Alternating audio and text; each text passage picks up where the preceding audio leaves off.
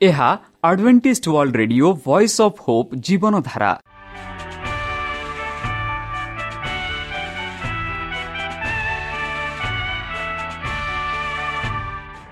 Odia radio କାର୍ଯ୍ୟକ୍ରମ ଯାହା ଆମର ଆନ୍ତର୍ଜାତୀୟ ଆଘାତ କେନ୍ଦ୍ରରୁ ପ୍ରସାରଣ କରାଯାଉଛି ପ୍ରତିଦିନ ରାତି ନଅଟା ତିରିଶ ମିନିଟ୍ରେ। ମୁଁ ସୁବ୍ରତ କୁମାର ପତି ପ୍ରେମର ସହ ଆପଣମାନଙ୍କୁ ଏହି କାର୍ଯ୍ୟକ୍ରମକୁ ସ୍ୱାଗତ କରୁଅଛି। ଚାଲନ୍ତୁ ଆଜିର ତିରିଶ ମିନିଟ୍ର କାର୍ଯ୍ୟକ୍ରମ ବିଷୟରେ ଜାଣିନେବା। ପ୍ରଥମେ ରଖିଛୁ ଆଧ୍ୟାତ୍ମିକ ଭକ୍ତିମୟ ଗୀତ। ଏହାପରେ ଶୁଣିବା ସ୍ୱାସ୍ଥ୍ୟ ବିଷୟରେ ଭକ୍ତଙ୍କଠାରୁ ଜୀବନଦାୟକ ଈଶ୍ୱରଙ୍କ ବାକ୍ୟ। ପ୍ରିୟ ଶ୍ରୋତା ତାହେଲେ ଚାଲନ୍ତୁ ଶୁଣିବା ଏକ ଆଧ୍ୟାତ୍ମିକ ଭକ୍ତିମୟ ଗୀତ। ଏହାପରେ ଶୁଣିବା ସ୍ୱାସ୍ଥ୍ୟ ସୂଚନା।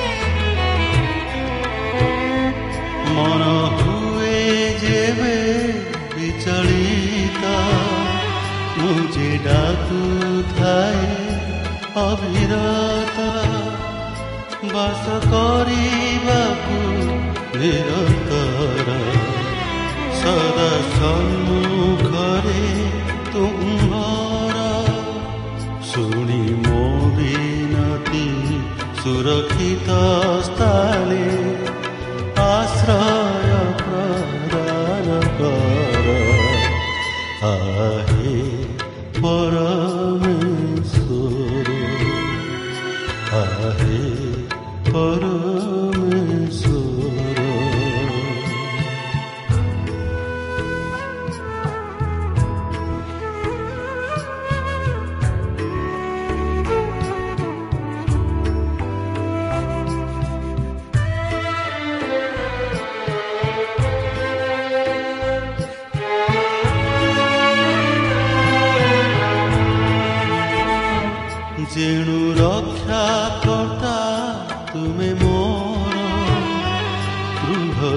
दुर्गा तुम्हें सभी का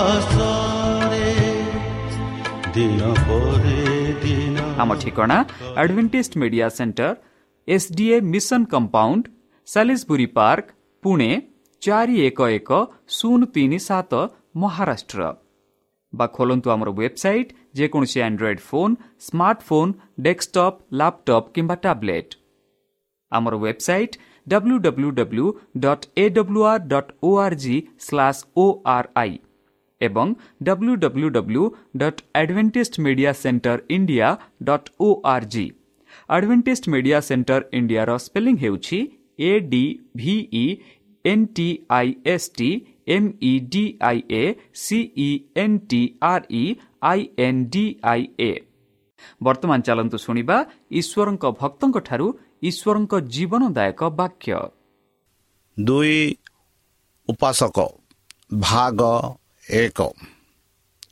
ନମସ୍କାର ପ୍ରିୟ ଶ୍ରୋତା ସେହି ସର୍ବଶକ୍ତି ସର୍ବଜ୍ଞାନୀ ପ୍ରେମର ସାଗର ଦୟାମୟ ଅନ୍ତର୍ଜମୀ ଅନୁଗ୍ରହ ପରମ ପିତାଙ୍କ ମଧୁର ନାମରେ ମୁଁ ପାଷ୍ଟର ପୂର୍ଣ୍ଣଚନ୍ଦ୍ର ଆଉ ଥରେ ଆପଣମାନଙ୍କୁ ଏହି କାର୍ଯ୍ୟକ୍ରମରେ ସ୍ୱାଗତ କରୁଅଛି। ସେହି ସର୍ବଶକ୍ତି ପରମେଶ୍ୱର ଆପଣମାନଙ୍କୁ ଆଶୀର୍ବାଦ କରନ୍ତୁ। ଆପଣଙ୍କୁ ସମସ୍ତ ପ୍ରକାର ଦୁଃଖ କଷ୍ଟ ବାଧା କ୍ଲେଶ ଓ ରୋଗରୁ ଦୂରେଇ ରଖନ୍ତୁ। ଶତ୍ରୁ ସୈତାନ ହସ୍ତରୁ ସେ ଆପଣଙ୍କୁ ସୁରକ୍ଷାରେ ରଖନ୍ତୁ। ତାହାଙ୍କ ପ୍ରେମ ତାହାଙ୍କ ସ୍ନେହ ତାହାଙ୍କ କୃପା ତାହାଙ୍କ ଅନୁଗ୍ରହ ସଦାସର୍ବଦା ଆପଣଙ୍କଠାରେ ସହବର୍ତ୍ତୀ ରହୁ। ପ୍ରିୟ ଶ୍ରୋତା ଚାଲନ୍ତୁ ଆଜି ଆମ୍ଭେମାନେ କିଛି ସମୟ ପବିତ୍ର ଶାସ୍ତ୍ର ବାଇବଲଠୁ ତାହାଙ୍କ ଜୀବନଦାୟକ ବାକ୍ୟ ଧ୍ୟାନ କରିବା ଆଜିର ଆଲୋଚନା ହେଉଛି ଦୁଇ ଉପାସକ ବନ୍ଧୁ ଆମେ ପୂଜା ବା ଉପାସନା ବା ଆରାଧନା କରିଥାଉ ଆମ ଭାରତ ଦେଶରେ ଅନେକ ପ୍ରକାର ଧର୍ମ ସଂସ୍ଥା ଅଛି ଅନେକ ପ୍ରକାର ଲୋକ ଅଛନ୍ତି ଅନେକ ପ୍ରକାର ଭାଷା ଅଛି ଜାତି ଅଛି। ଆଉ ଆମେ ଭାରତୀୟ ଲୋକ ବିଭିନ୍ନ ପ୍ରକାର ବିଭିନ୍ନ ରୂପେ ପୂଜା ଆରାଧନା କରିଥାଉ। ଚାଲନ୍ତୁ ଆଜି ଆମ୍ଭେମାନେ କିଛି ସମୟ ପବିତ୍ର ଶାସ୍ତ୍ର ବାଇବଲ ଦୁଇ ଜଣ ବ୍ୟକ୍ତିଙ୍କ ବିଷୟରେ ସେମାନେ କିପରି ପରମେଶ୍ୱରଙ୍କୁ ଉପୋଷକ ବା ଉପାସନା କଲେ ବା ପୂଜା କଲେ ତାହା ବିଷୟରେ ଆମେ କିଛି ସମୟ ଆଲୋଚନା କରିବା। ଯେପରିକି ଖ୍ରୀଷ୍ଟ ସମୟରେ ହାରୋସିସ୍ ସେଡ଼ସିସ୍ ଯେଉଁଦୀମାନେ ଥିଲେ ବେଜାତିମାନେ ଥିଲେ ଆଉ ଅନ୍ୟ ଜାତି ଲୋକମାନେ ବି ଥିଲେ। ଆଜି ଆମେ ବିଶେଷ ଭାବରେ ଯେପରିକି ଆମ ଭାରତ ଦେଶରେ ବି ନିଚ ଉଚ୍ଚ ଜାତିକୁ ଆମେ କହିଥାଉ ସେହିପରି ସେହି ସମୟରେ ମଧ୍ୟ ନିଚ ଉଚ୍ଚ ଜାତିର ଭାବନା ଥିଲା। ଆଉ ସେହି ଭାବନାକୁ ଦେଖି ଯୀଶୁଖ୍ରୀଷ୍ଟ ସେହି ଯୋଦୀମାନଙ୍କୁ ସେହି ଫରେସିସ୍ ମାନଙ୍କୁ ଏକ ଉଦାହରଣ ସ୍ୱରୂପରେ ଏହି ଦୃଷ୍ଟାନ୍ତ କହୁଛନ୍ତି। ବନ୍ଧୁ ଖ୍ରୀଷ୍ଟ ଫରସୀ ଏବଂ ଜନସାଧାରଣଙ୍କ ଦୃଶ୍ୟ ବିଷୟରେ କହିଥିଲେ। ନିଶ୍ଚିତ ଭାବରେ ଯେଉଁମାନେ ନିଜ ଉପରେ ବିଶ୍ୱାସ କରୁଥିଲେ ଯେ ସେମାନେ ଧାର୍ମିକ ଏବଂ ଅନ୍ୟମାନଙ୍କୁ ଘୃଣା କରନ୍ତି। ଯେପରି ଫାରୁସିସ୍ ପୂଜା କରିବାକୁ ମନ୍ଦିରକୁ ଯାଆନ୍ତି କାରଣ ସେ ଅନୁଭବ କରନ୍ତି ଯେ ସେ କ୍ଷମା ଆବଶ୍ୟକ କରୁଥିବା ଜଣେ ପାପି। ବରଂ ସେ ନିଜକୁ ଧାର୍ମିକ ବୋଲି ଭାବନ୍ତି ଏବଂ ପ୍ରଶଂସା ଜିତିବାକୁ ଆଶା କରନ୍ତି। ତାଙ୍କର ପୂଜାକୁ ସେ ଯୋଗ୍ୟତାର କାର୍ଯ୍ୟ ଭାବରେ ବିବେଚନା କରନ୍ତି ଯାହା ତାଙ୍କୁ ଈଶ୍ୱରଙ୍କୁ ସୁପାରିଶ କରିବ। ସେହି ସମୟରେ ଏହା ଲୋକଙ୍କୁ ତାଙ୍କ ଧାର୍ମିକତା ବିଷୟରେ ଏକ ଉଚ୍ଚ ମତାମତ ଦେବ ବୋଲି ସେ ଭାବନ୍ତି। ସେ ଉଭୟ ଈଶ୍ୱରଙ୍କ ଏବଂ ପୁରୁଷଙ୍କ ସହିତ ଅନୁଗ୍ରହ ସୁରକ୍ଷିତ କରିବାକୁ ଆଶା କରନ୍ତି। ତାଙ୍କର ପୂଜା ସ୍ୱାର୍ଥ ଦ୍ୱାରା ଉତ୍ସାହିତ ହୋଇଥାଏ ବନ୍ଧୁ। ଏବଂ ସେ ଆତ୍ମା ପ୍ରଶଂସାରେ ପରିପୂର୍ଣ୍ଣ ହୋଇଥାଏ। ସେ ଏହାକୁ ଦେଖନ୍ତି ସେ ଏହାକୁ ଚାଲନ୍ତି ସେ ଏହା ପ୍ରାର୍ଥନା କରନ୍ତି। ଅନ୍ୟମାନଙ୍କ ଠାରୁ ଅଲଗା ହୋଇ ଯେପରି କହିବାକୁ ଗଲେ ମୋ ପାଖକୁ ଆସ ନାହିଁ କାରଣ ମୁଁ ତୁମଠାରୁ ପବିତ୍ର। ସେ ଠିଆ ହୋଇ ନିଜ ସହିତ ପ୍ରାର୍ଥନା କରନ୍ତି ବନ୍ଧୁ। ସମ୍ପୂର୍ଣ୍ଣ ଆତ୍ମା ସନ୍ତୁଷ୍ଟ ସେ ଭାବନ୍ତି ସେ ଯେ ଈଶ୍ୱର ଏବଂ ପୁରୁଷମାନେ ତାଙ୍କୁ ସମ୍ମାନ ଆତ୍ମା ସନ୍ତୋଷ ସହିତ ଗ୍ରହଣ କରନ୍ତି ବୋଲି ସେ କୁହନ୍ତି ଈଶ୍ୱର ମୁଁ ତୁମକୁ ଧନ୍ୟବାଦ ଜଣାଉଛି ଯେ ମୁଁ ଅନ୍ୟ ପୁରୁଷମାନଙ୍କ ପରି ନୁହେଁ। ଦାଦା ବଟି ଆଦାୟକାରୀ ଅନ୍ୟାୟ ବ୍ୟବିଚାରୀ କିମ୍ବା ଏପରିକି ଏହି ପ୍ରଚାରକ ସେ ତାଙ୍କ ଚରିତ୍ରକୁ ବିଚାର କରନ୍ତି ବନ୍ଧୁ। ଈଶ୍ୱରଙ୍କ ପବିତ୍ର ଚରିତ୍ର ଦ୍ୱାରା ନୁହେଁ ବରଂ ଅନ୍ୟ ପୁରୁଷଙ୍କ ଚରିତ୍ର ଦ୍ୱାରା ତାଙ୍କ ମନ ଈଶ୍ୱରଙ୍କ ଠାରୁ ମାନବିକତା ଆଡ଼କୁ ଫେରାଇ ଦିଏ ଦିଆଯାଏ। ଏହା ହେଉଛି ତାଙ୍କର ଆତ୍ମା ସନ୍ତୋଷର ରହସ୍ୟ। ବନ୍ଧୁ ସେ ତାଙ୍କର ଭଲ କାର୍ଯ୍ୟ ବିଷୟରେ ବର୍ଣ୍ଣନା କରିବାକୁ ଆଗେଇ ଆସନ୍ତି। ସେ କହନ୍ତି ମୁଁ ସପ୍ତାହରେ ଦୁଇଥର ଦ୍ରୁତ ଗତିରେ ଥାଏ। ମୁଁ ମୋର ଥିବା ସମସ୍ତ ଜିନିଷର ଦେଇଥାଏ। ବନ୍ଧୁ ଫାରିସିଙ୍କ ଧର୍ମ ଆତ୍ମାକୁ ସ୍ପର୍ଶ କରେ ନାହିଁ ବୋଲି ଆମେ ଦେଖୁଅଛୁ। ସେ ଚରିତ୍ର ଈଶ୍ୱରଙ୍କର ପରିତାପ ଖୋଜୁନାହାନ୍ତି। ପ୍ରେମ ଏବଂ ଦୟାରେ ପରିପୂର୍ଣ୍ଣ ହୃଦୟ ସେ ଖୋଜୁନାହାନ୍ତି। ସେ ଏକ ଧାର୍ମିକରେ ଏକ ଧର୍ମରେ ସନ୍ତୁଷ୍ଟ ଯାହା କେବଳ ବାହ୍ୟ ଜୀବନ ସହିତ ଜଡ଼ିତ ବନ୍ଧୁ। ତାଙ୍କର ଧାର୍ମିକତା ହେଉଛି ତାଙ୍କର ନିଜର ନିଜର କାର୍ଯ୍ୟର ଫଳ ଏବଂ ଏକ ମାନବ ମାନକ ଦ୍ୱାରା ବିଚାର କରାଯାଏ। ଯିଏ ନିଜ ଉପରେ ବିଶ୍ୱାସ କରେ ଯେ ସେ ଧାର୍ମିକ ଅନ୍ୟମାନଙ୍କୁ ଘୃଣା କରିବ। ବନ୍ଧୁ ଯେହେତୁ ଫରେସିସ୍ ନିଜକୁ ଅନ୍ୟ ପୁରୁଷମାନଙ୍କ ଦ୍ୱାରା ବିଚାର କରନ୍ତି। ତେଣୁ ସେ ଅନ୍ୟ ପୁରୁଷମାନଙ୍କୁ ନିଜେ ବିଚାର କରନ୍ତି ବନ୍ଧୁ। ତାଙ୍କ ଧାର୍ମିକତା ସେମାନଙ୍କ ଦ୍ୱାରା ଆକଳନ କରାଯାଏ ଏବଂ ସେ ଦେଖାଯାଉଥିବା ବିପରୀତରେ ସେମାନେ ଅଧିକ ଧାର୍ମିକ ଭାବନ୍ତି। ତାଙ୍କର ଆତ୍ମା ଧାର୍ମିକତା ଅଭିଯୋଗ କରିବାକୁ ନେଇଥାଏ। ଅନ୍ୟ ପୁରୁଷମାନେ ସେ ଈଶ୍ୱରଙ୍କ ଆଇନ ଉଲ୍ଲଂଘନକାରୀ ବୋଲି ନିନ୍ଦା କରନ୍ତି। ଏହିପରି ସେ ଭାଇମାନଙ୍କ ଅଭିଯୋଗୀକାରୀ ଶୈତାନଙ୍କ ଆତ୍ମାକୁ ପ୍ରକାଶ କରୁଛନ୍ତି ବନ୍ଧୁ।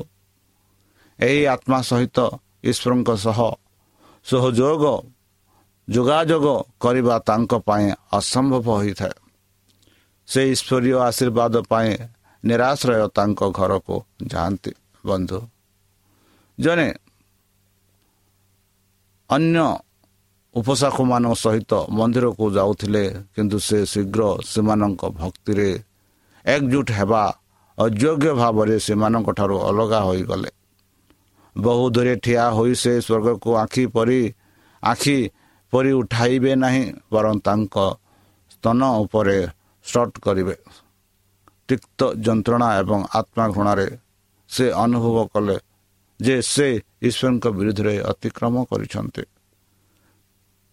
ଯେ ସେ ପାପ ଏବଂ ପ୍ରଶୋଷିତ ସେ ତାଙ୍କ ଆଖପାଖରେ ଥିବା ଲୋକଙ୍କ ଠାରୁ ଦୟା ମଧ୍ୟ ଆଶା କରିପାରିବେ ନାହିଁ।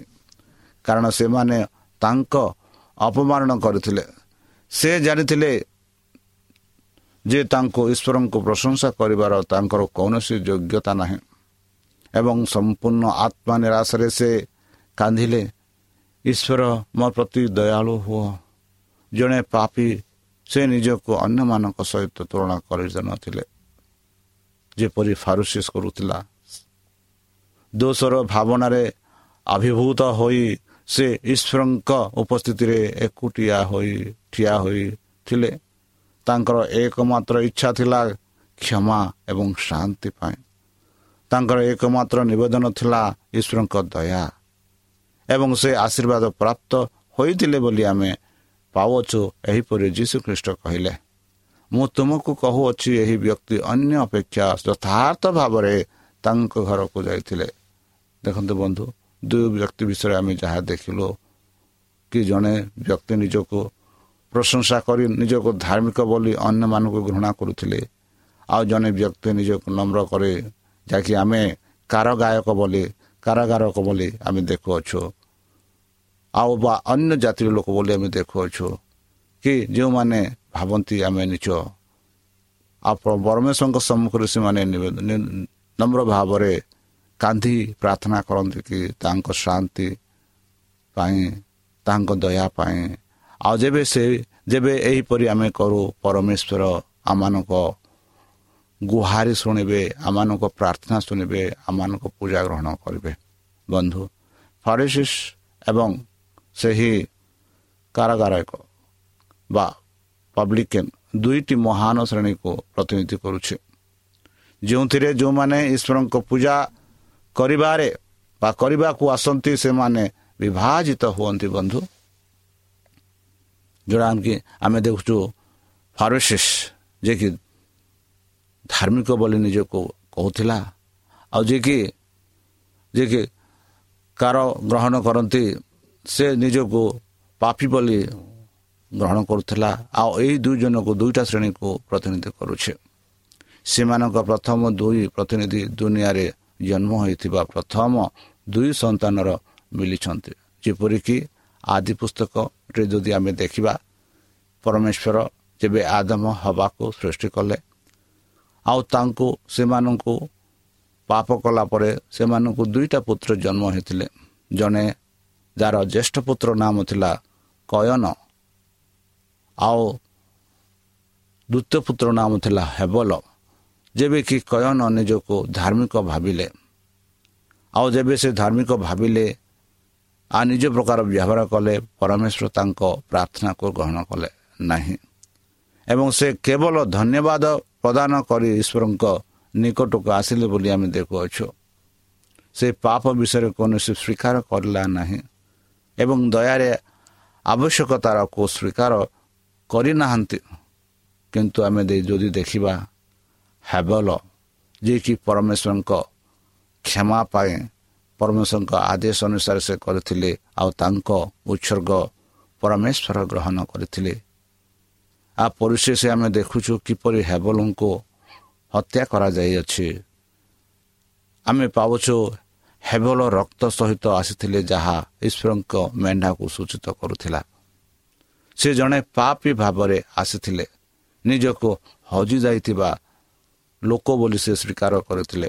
ତାଙ୍କର ଏକମାତ୍ର ଆଶା ଥିଲା କି ଈଶ୍ୱରଙ୍କ ଅଯୋଗ୍ୟ ପ୍ରେମ ପ୍ରଭୁ ତାଙ୍କ ଯାହା ପ୍ରଧାନ ସମ୍ମାନ କରୁଥିଲେ କିନ୍ତୁ କେୟନ କୟନ ଏବଂ ତାଙ୍କ ପ୍ରଧାନ ତାଙ୍କର ସମ୍ମାନ କଲେ ନାହିଁ। ଯାହା ଆମେ ଆଦି ପୁସ୍ତକ ଚାରିରେ ଆମେ ଦେଖୁଅଛୁ। ବନ୍ଧୁ ଆବଶ୍ୟକତାର ଭାବନା ଆମର ଦାରିଦ୍ର୍ୟ ଏବଂ ପାପର ସ୍ୱୀକୃତି ହେଉଛି ଈଶ୍ୱରଙ୍କ ସହିତ ଗ୍ରହଣ କରିବା କରିବାର ପ୍ରଥମ ସର୍ତ୍ତ ଧନ୍ୟମା ଧନ୍ୟ ମନେ ଆତ୍ମାରେ ଗରିବ ସେମାନଙ୍କ ପାଇଁ ସ୍ୱର୍ଗରାଜ। ଆମେ ଯଦି ଆମେ ଦେଖୁଛୁ ଯୀଶୁଖ୍ରୀଷ୍ଟ ପାର୍ବତୀୟରେ ଯେପରି ଘୋଷଣା କରିଥିଲେ ଯେଉଁମାନେ ଆତ୍ମାରେ ଗରିବ ସେମାନେ ଧନ୍ୟ କାରଣ ସେମାନଙ୍କର ହେଉଛି ସ୍ୱର୍ଗରାଜ୍ୟ ବୋଲି ଯୀଶୁ କହିଥିଲେ। ବନ୍ଧୁ ଫାରୁସି ଏବଂ ଜନସାଧାରଣଙ୍କ ଦ୍ୱାରା ପ୍ରତିନିଧିତ୍ୱ କରୁଥିବା ପ୍ରତ୍ୟେକ ଶ୍ରେଣୀ ପାଇଁ ପ୍ରେରିତ ପିତରଙ୍କ ଇତିହାସରେ ଇଏ ଏକ ଶିକ୍ଷା ଦିଆଅଛି। ତାଙ୍କର ପ୍ରାରମ୍ଭିକ ଶିଷ୍ୟତ୍ୱର ପିତର ନିଜକୁ ଶକ୍ତିଶାଳୀ ଭାବରେ ଭାବିଥିଲେ। ଫରେସିଙ୍କ ପରି ତାଙ୍କ ନିଜ ଆକଳନରେ ସେ ଅନ୍ୟ ପୁରୁଷମାନଙ୍କ ପରି ନୁହନ୍ତି ବୋଲି ସେ ନିଜକୁ ଭାବୁଥିଲେ। ଆଉ ଯେତେବେଳେ ଖ୍ରୀଷ୍ଟ ତାଙ୍କ ବିଶ୍ୱାସଘାତରେ ପୂର୍ବଦିନ ତାଙ୍କ ଶିଷ୍ୟମାନଙ୍କୁ ଚେତାବନୀ ଦେଇଥିଲେ ସେ କହିଲେ ଆଜି ରାତିରେ ମୋ କାରଣରୁ ସମସ୍ତେ ସମସ୍ତେ ଅସନ୍ତୋଷ ପ୍ରକାଶ କରିବେ। ଯେପରିକି ଆମେ ପିତରଙ୍କ ବିଷୟରେ ପାଉଛୁ ଆତ୍ମାର ବିଶ୍ୱାସ ସହିତ ଘୋଷଣା କଲେ।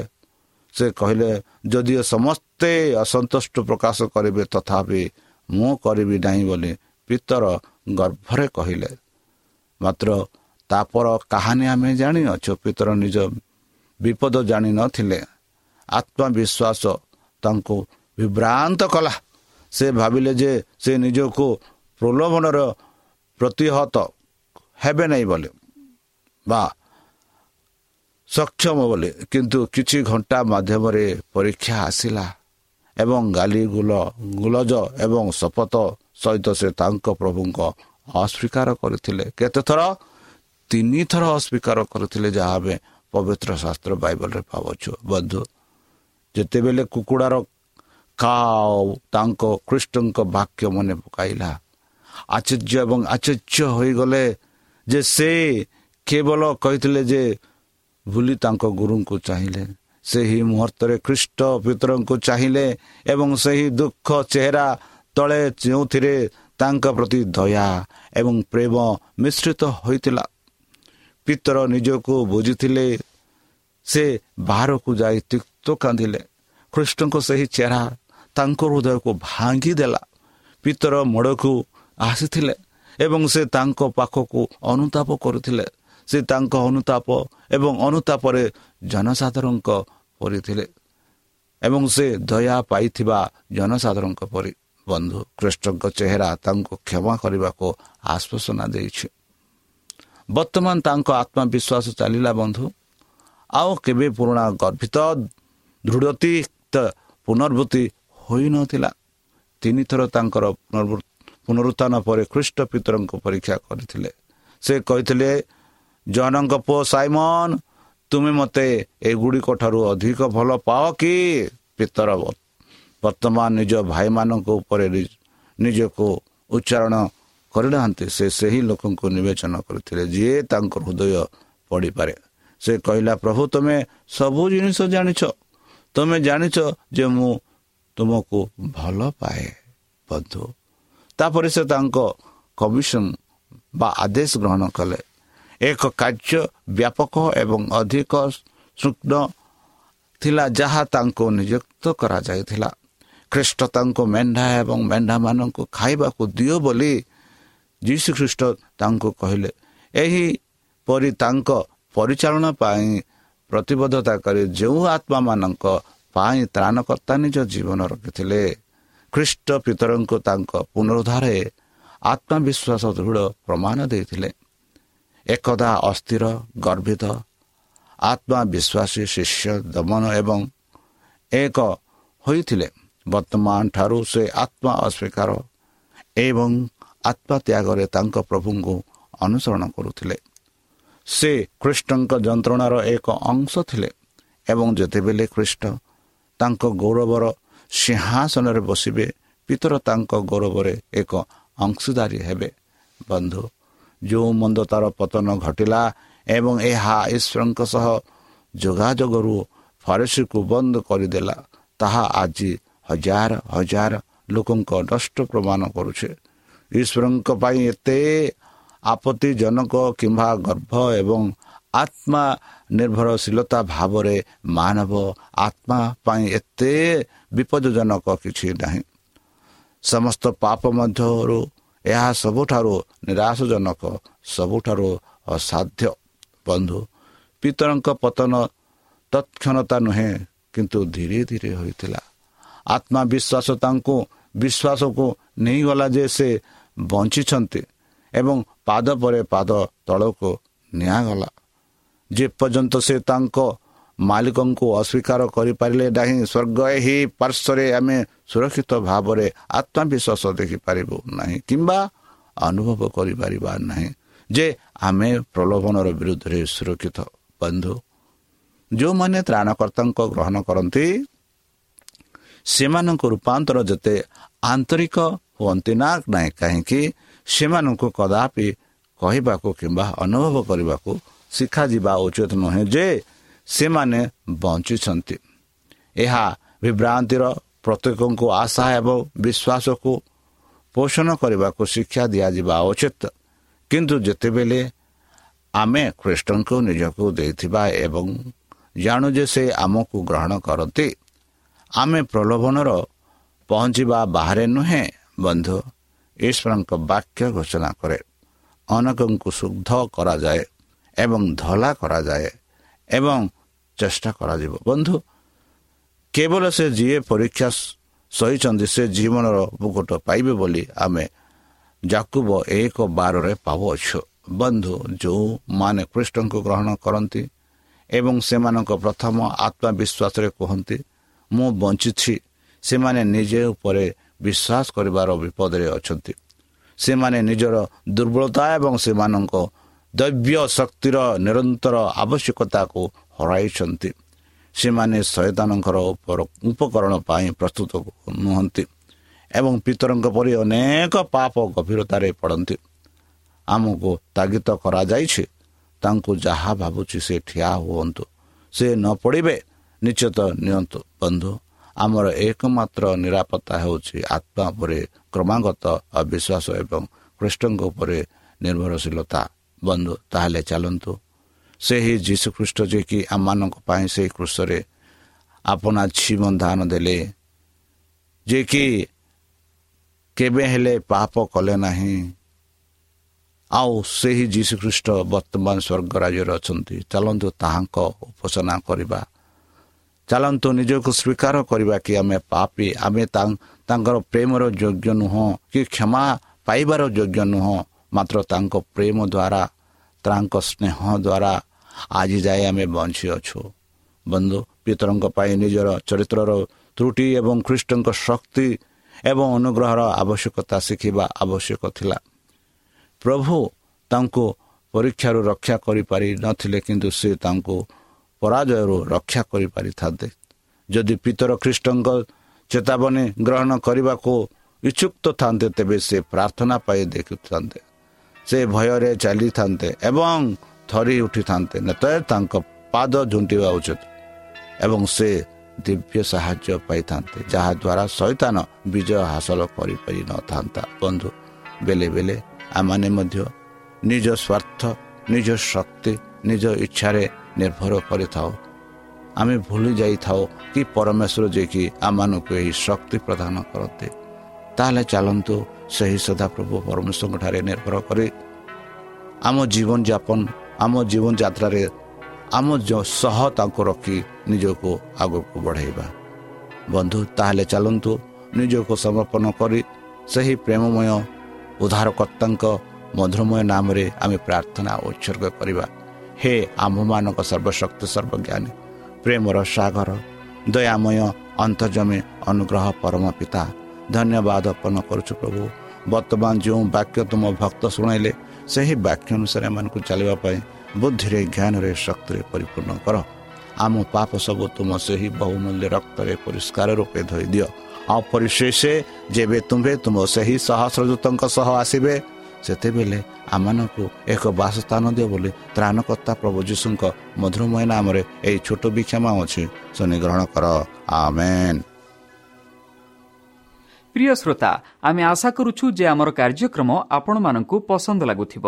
ଆପଣଙ୍କର ମତାମତ ଜଣାଇବା ପାଇଁ ଆମର ଏହି ଠିକଣାରେ ଯୋଗାଯୋଗ କରନ୍ତୁ।